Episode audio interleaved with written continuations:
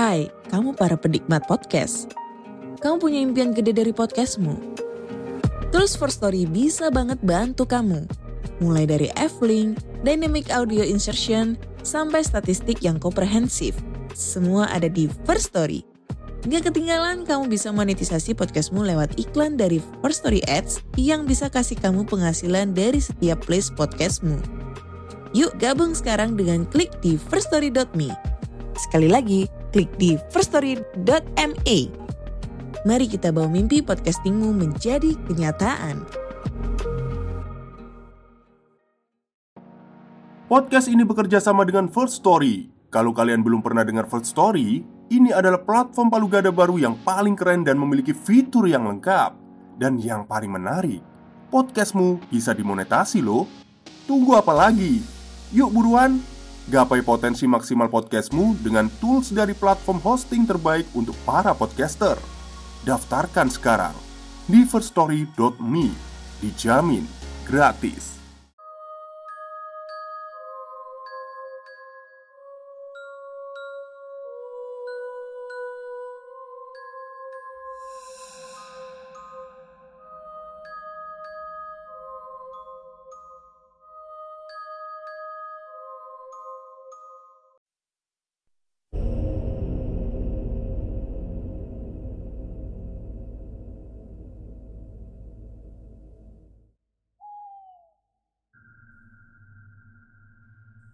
Assalamualaikum warahmatullahi wabarakatuh. Halo semuanya Jumpa lagi dengan saya Chow Sing Sing Kurator dari podcast Horror Night Story. Halo apa kabar semuanya? Semoga kalian semua sehat-sehat ya.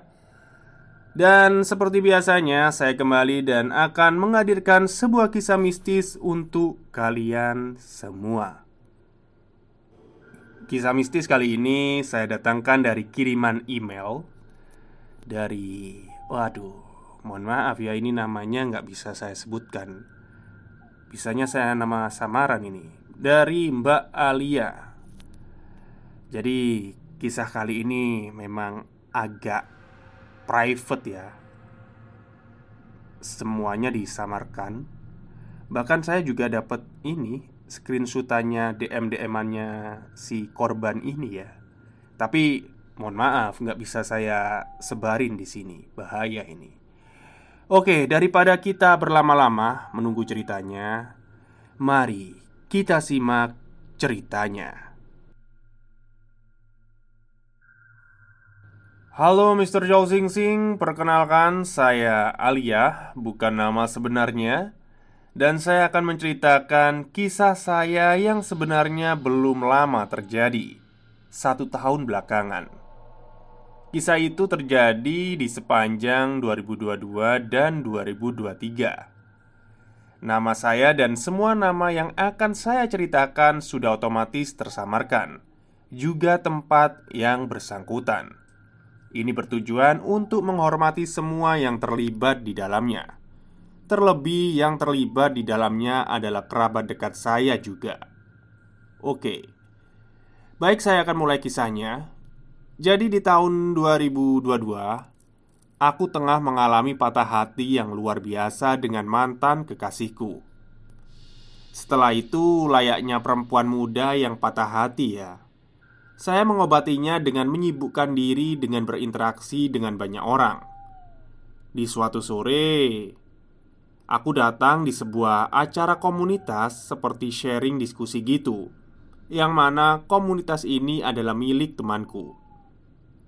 Dan di sana Aku bertemu dengan laki-laki Yang bernama Bagas.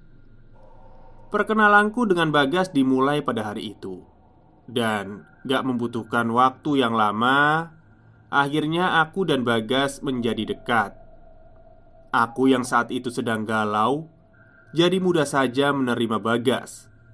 Dan Bagas pada saat itu juga sedang ada masalah dengan keluarganya. Jadi, waktu itu kita cocok lah untuk berdiskusi.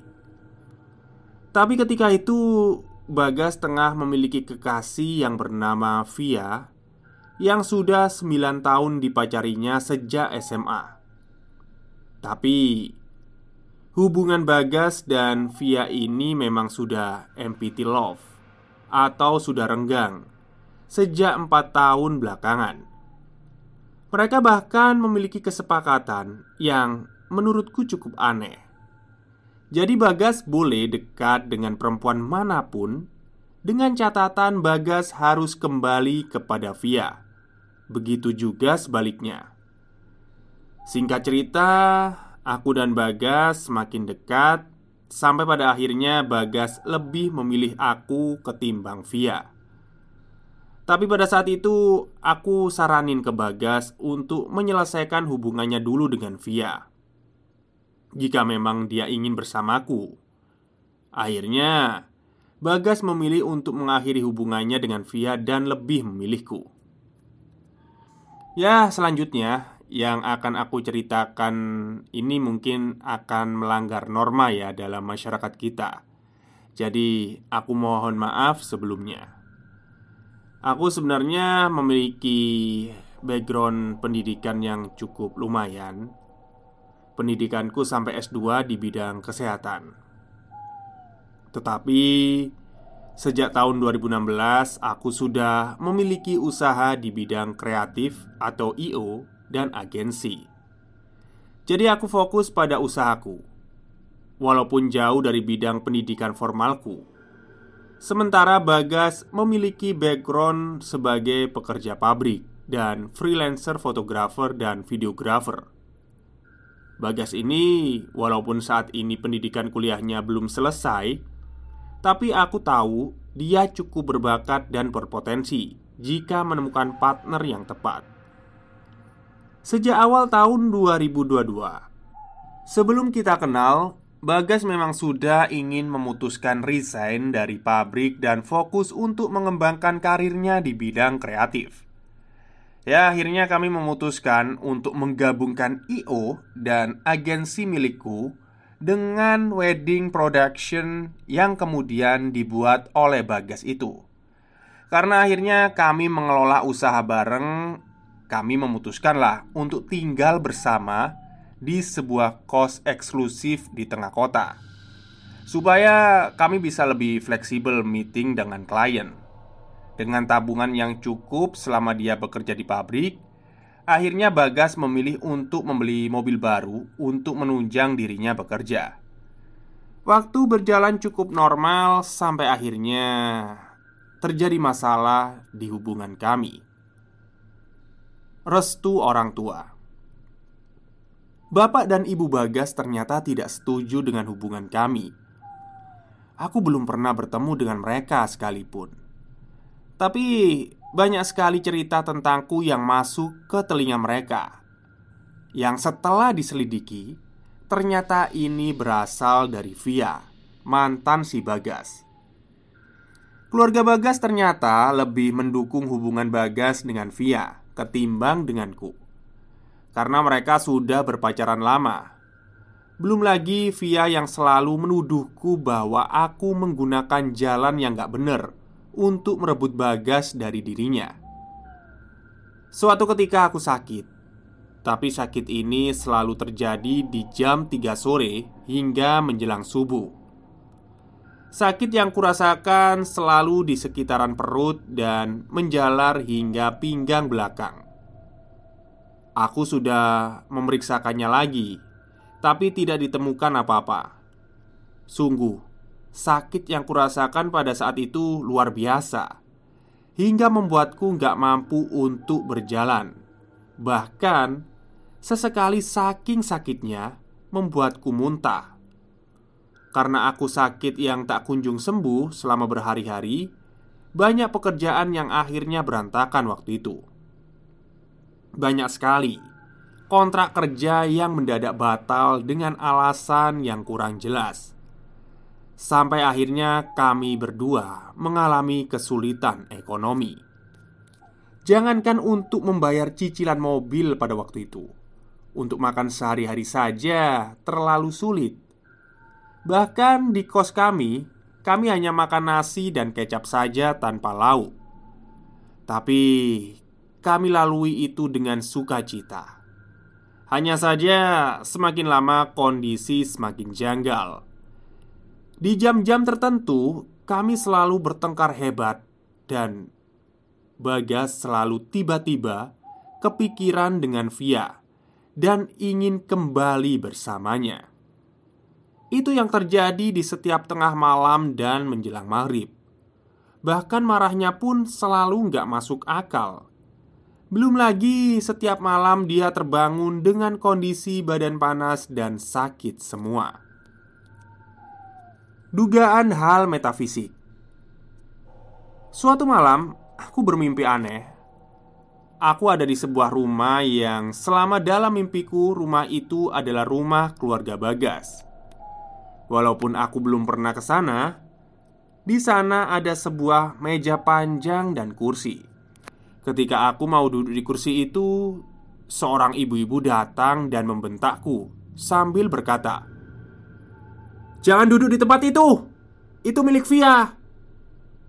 Aku kaget dong dan berlari ke belakang rumah itu. Dan di sana aku melihat almarhumah mamaku yang sudah meninggal sejak 2019 yang lalu. Beliau sedang mencuci piring dan perkakas lainnya. Entah kenapa aku melihat beliau itu iba dan menangis. "Mama, Mama kok di sini? Mama kok bersih-bersih? Ngapain?" Aku berkata seraya menangis.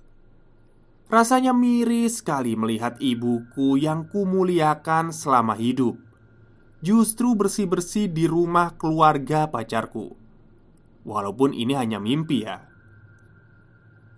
Kamu pergi saja. Tenang. Mama lagi bersih-bersih di sini. Kemudian aku terbangun dari mimpi itu sambil menangis. Selain karena sakitku yang makin hari makin parah Kondisi ekonomi juga semakin menurun drastis Secara nggak masuk akal. Laptop, kamera, HP sudah terjual untuk menutup cicilan dan kebutuhan kami. Bahkan Bagas sampai menjadi ojek online untuk sampingan. Tapi tetap saja nihil. Akun maksimal hanya menerima maksimal tiga penumpang saja. Padahal jika dipakai yang lain bisa gacor. Intinya kondisi kesehatan dan ekonomi turun drastis secara nggak masuk akal waktu itu. Ditambah tanpa alasan yang jelas Entah kenapa Aku membenci Via dan keluarga Bagas. Gak tahu kenapa.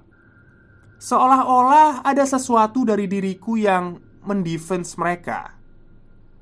Suatu sore Aku sedang pergi sendirian tanpa bagas dengan mengendari motor Dan aku mengalami kecelakaan di jalan. Gak parah sih Tapi kakiku keselio Akhirnya kami memutuskan untuk kepijat urat. Panggil saja namanya Pak Adam yang mijet ini. Beliau yang memijit kakiku. Namun ada pertanyaan yang menurutku cukup aneh. Mbaknya akhir-akhir ini kayaknya sering sakit ya. Tapi diperiksa ke dokter nggak ketemu kan penyakitnya? Aku dan Bagas kaget dong. Kami nggak cerita apa pun tapi yang beliau sampaikan itu benar. Ini kayaknya ada yang usil deh mbak. Jadi efeknya ke ekonomi terus kesehatan Semuanya bisa kacau. Bahkan aura kalian berdua ini ketutup loh. Sehingga orang yang berurusan dengan kalian kayaknya nggak betah Katanya. Tapi Mbak Alia ini kuat kok masih dilindungi sama eyangnya. Dahiku berkerut gak mengerti. Eyang? Iya, eyangnya Mbak Alia. Leluhur mbak yang powernya gak main-main. Jadi selalu jagain mbaknya. Keluarga besarku memang berkerabat dekat dengan Mataram. Bahkan gelar resmi dan serat silsila pun ada tapi aku sekeluarga jarang sekali berurusan dengan hal yang seperti ini.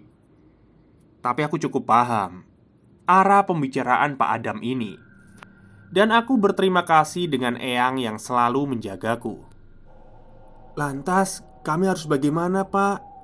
Dan siapa yang tega dengan kami? Tanya Bagas.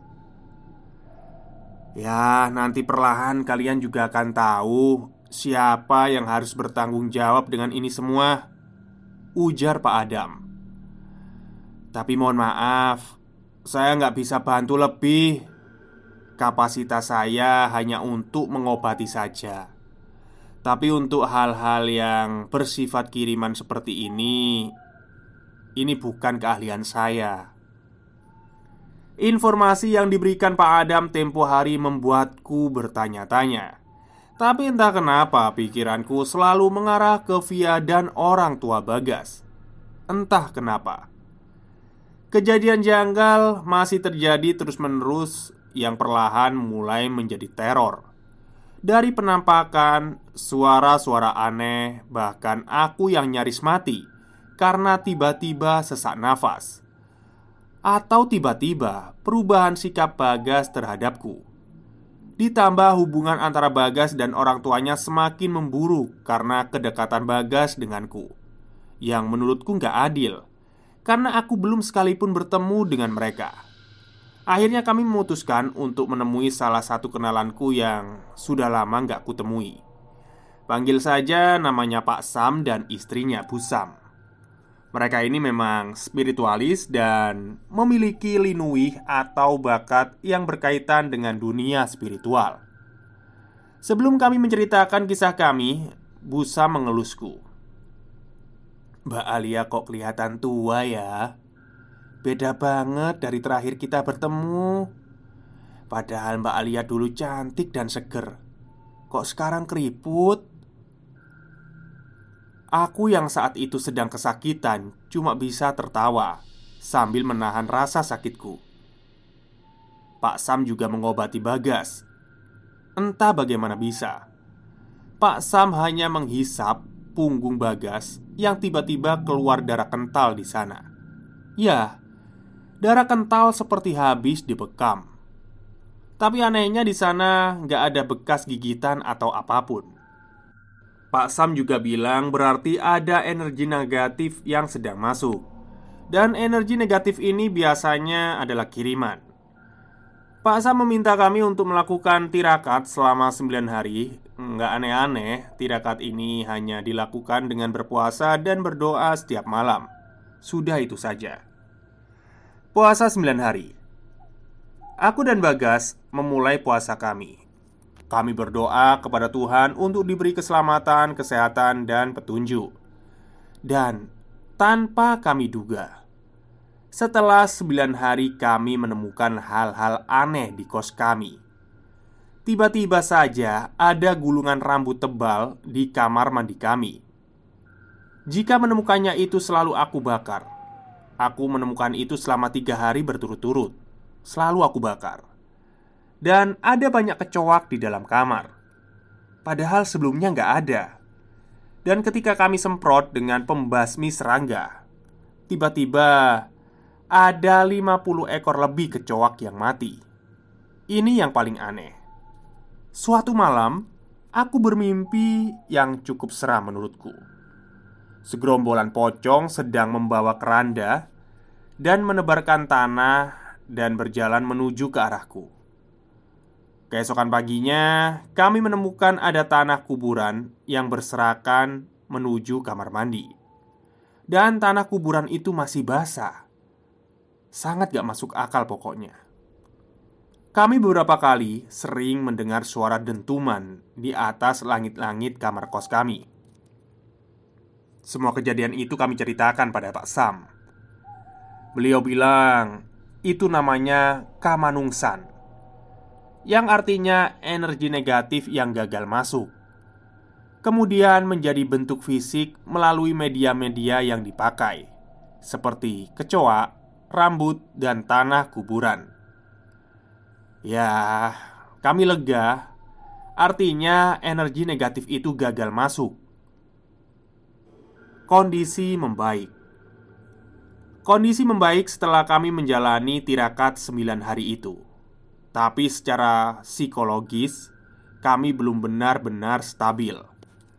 Tapi kondisi kesehatanku membaik waktu itu Sampai akhirnya. Kondisi tak terduga terjadi. Aku hamil. Waduh. Ya, aku hamil. Sungguh ini di luar dugaan Meskipun kami belum menikah secara resmi, tapi kami memutuskan untuk merawat anak ini, dan kami akan menikah setelah itu.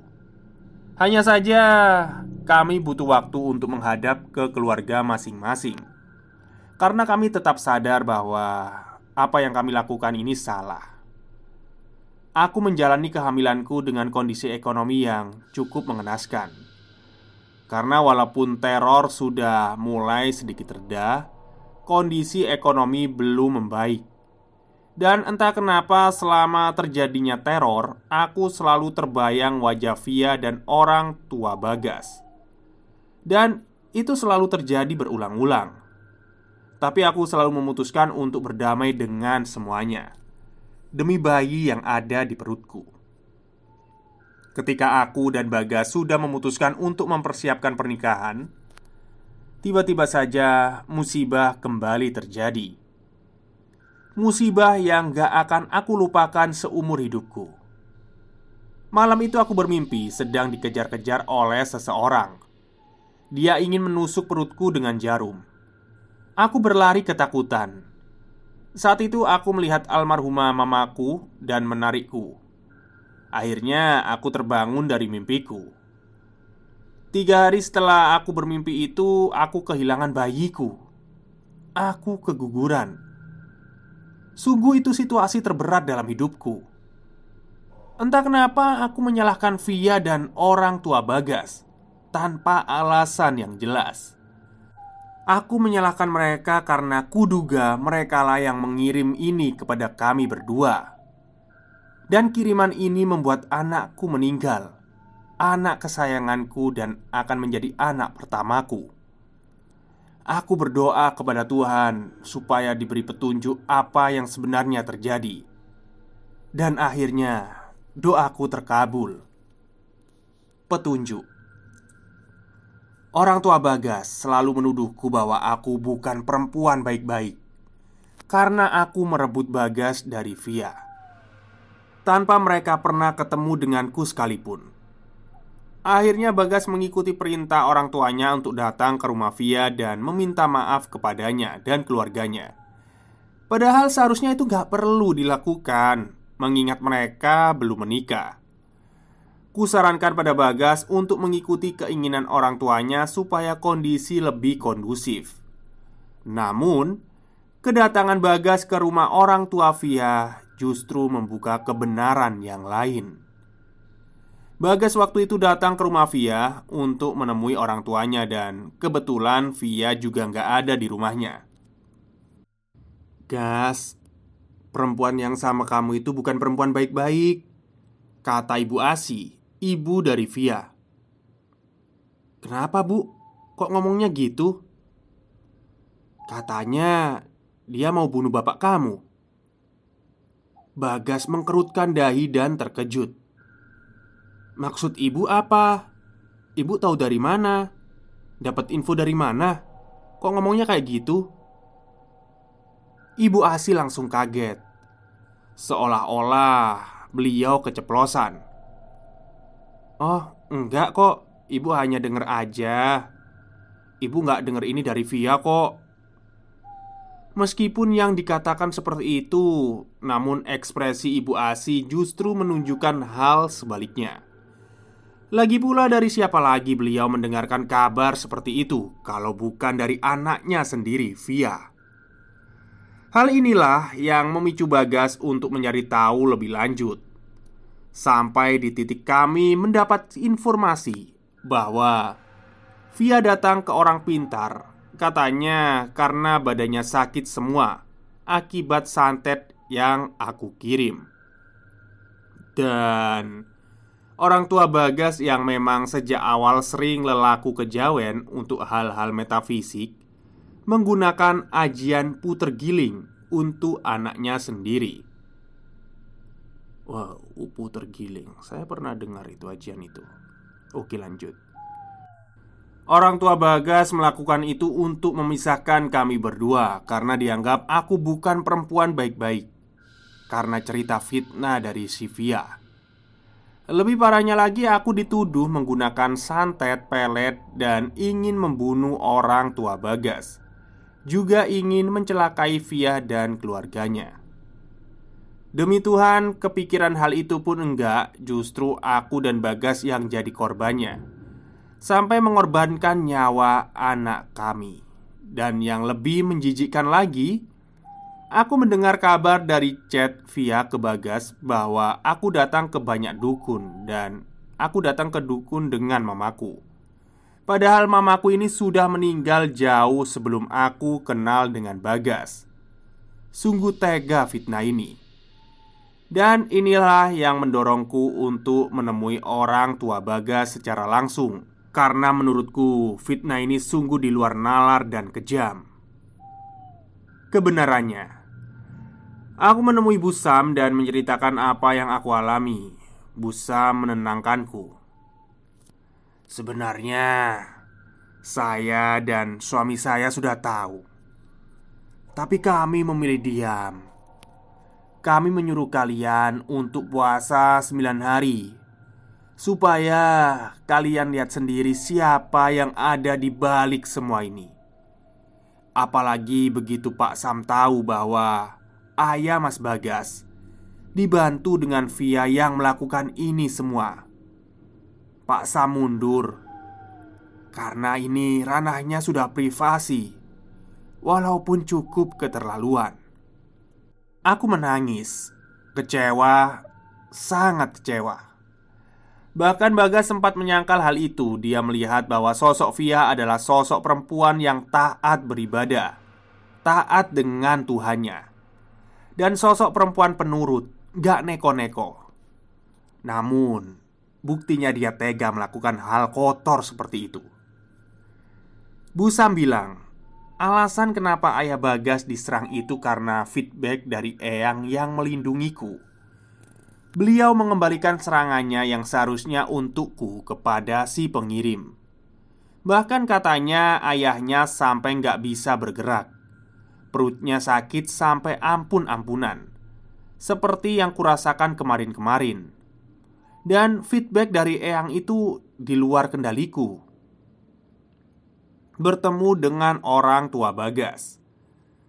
Aku nekat menemui orang tua Bagas yang ada di luar kota Awalnya bahkan ibunya nggak sudi bersalaman denganku.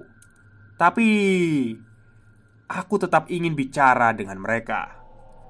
Bahkan aku sampaikan bahwa Kalau saya memang pakai santet, pelet, atau semacamnya Monggo bersihkan saja saya sekarang. Biar sama-sama enak. Karena saya yakin Saya nggak pernah bermain dengan hal-hal yang begituan Selayaknya ego orang tua pada umumnya, mereka tanpa merasa bersalah menyepelekan perasaan kami. Perasaanku dengan si Bagas. Seolah tak terjadi apa-apa. Mereka hanya minta maaf tanpa mereka berpikir bahwa secara psikologis efek trauma itu masih ada sampai sekarang. Kejadian itu berlangsung lama, berbulan-bulan, sampai saya tahu sebagai perempuan Via kecewa padaku dan Bagas. Tapi nggak seharusnya dia melakukan tindakan jahat seperti itu. Yang membuat hubungan antara Bagas dan orang tuanya merenggang Sementara orang tua Bagas hanyalah korban dari cerita-cerita fitnah yang Via buat. Dan ketidakdewasaan Via dalam menghadapi masalah mereka Yang seharusnya bisa mereka selesaikan tanpa menyangkut pautkan dengan keluarga Meskipun mereka sudah berpacaran lama. Sekarang hubunganku dengan orang tua Bagas dalam proses pemulihan Meskipun aku belum bisa seutuhnya legowo Jika teringat tentang anakku yang sudah meninggal. Dan keberadaan anakku ini tidak bisa kuceritakan pada mereka Karena pasti akan menjadi masalah baru buat mereka. Kalau aku bisa sampaikan sepatah dua kata kepada anakku, Aku akan mengatakan Terima kasih ya nak sudah menjadi penyelamat bagi mama dan papamu saat itu. Terbang yang jauh, Nak. Temukan kebahagiaan di atas sana. Kamu tetap jadi anak pertama bagi mama. Terima kasih sudah memilih mama dan papa sebagai orang tua kamu. Oh ya, beberapa hari sebelum saya menulis cerita ini, saya mendapat kabar lagi dari teman dekat Bagas. Sebut saja namanya Andi. Dia tiba-tiba meminta maaf kepada kami karena awal-awalnya Andi diminta via untuk menjadi mata-mata kami. Dan Andi yang memberitahu lokasi kos kami kepada Via dan orang tua Bagas. Yang Andi tidak tahu bahwa dampaknya bisa semasif itu. Dan dia cukup menyesal tentang hal itu. Apalagi ketika Andi menemani ayah Bagas ke kos kami. Yang ketika itu kami nggak di kos. Ayah Bagas seperti menaburkan sesuatu di sekitaran kos kami. Mungkin itu kenapa teror kami sangat kuat Belum lagi cerita-cerita fitnah tentang saya yang sudah beredar ke mana-mana sangat jahat. Tapi alhamdulillah, sedikit demi sedikit semuanya mulai terbuka kebenarannya dan berpihak pada kami. Ah ya, saya akan kirimkan beberapa screenshotan chat saya DM dengan Via yang isinya tuduhan untuk saya bahwa saya menggunakan jalan yang gak benar untuk mendapatkan bagas. Padahal saya sangat mencintai Bagas apa adanya. Baiklah, ini cerita dari saya. Terima kasih Mas Jo Sing Sing. Sehat selalu dan doakan kami untuk tetap saling menguatkan. Karena sampai sekarang PR kami adalah membersihkan sisa-sisa energi negatif dari kiriman-kiriman yang kemarin. Rahayu. Oke, uh, marilah kita bersama-sama ya mendoakan uh, untuk kesehatan dan keselamatan Mbak Alia serta suaminya Mas Bagas supaya dilindungi dengan hal-hal negatif lainnya. Oke, uh, doa selesai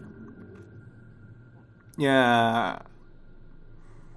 Fitnah itu memang kejam ya Bahkan uh, Kalau dari ceritanya Si Via ini ternyata Bukan hanya menggunakan dirinya sendiri sebagai penyerang gitu ya.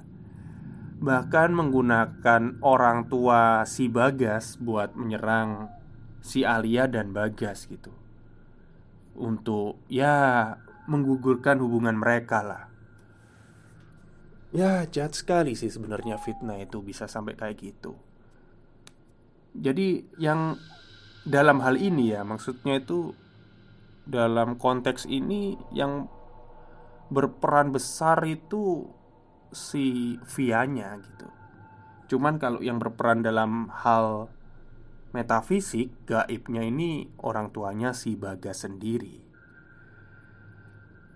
Ya semoga ya kan sekarang udah selesai Saya doakan cepat selesai masalahnya Dan bisa membuka lembaran baru bagi keluarganya Mbak Alia gitu kan. Dan untuk Mbak Vianya semoga bisa ikhlas lah ya intinya apa ya ya udah ikhlas lah. Memang bukan jodohnya kayak gitu.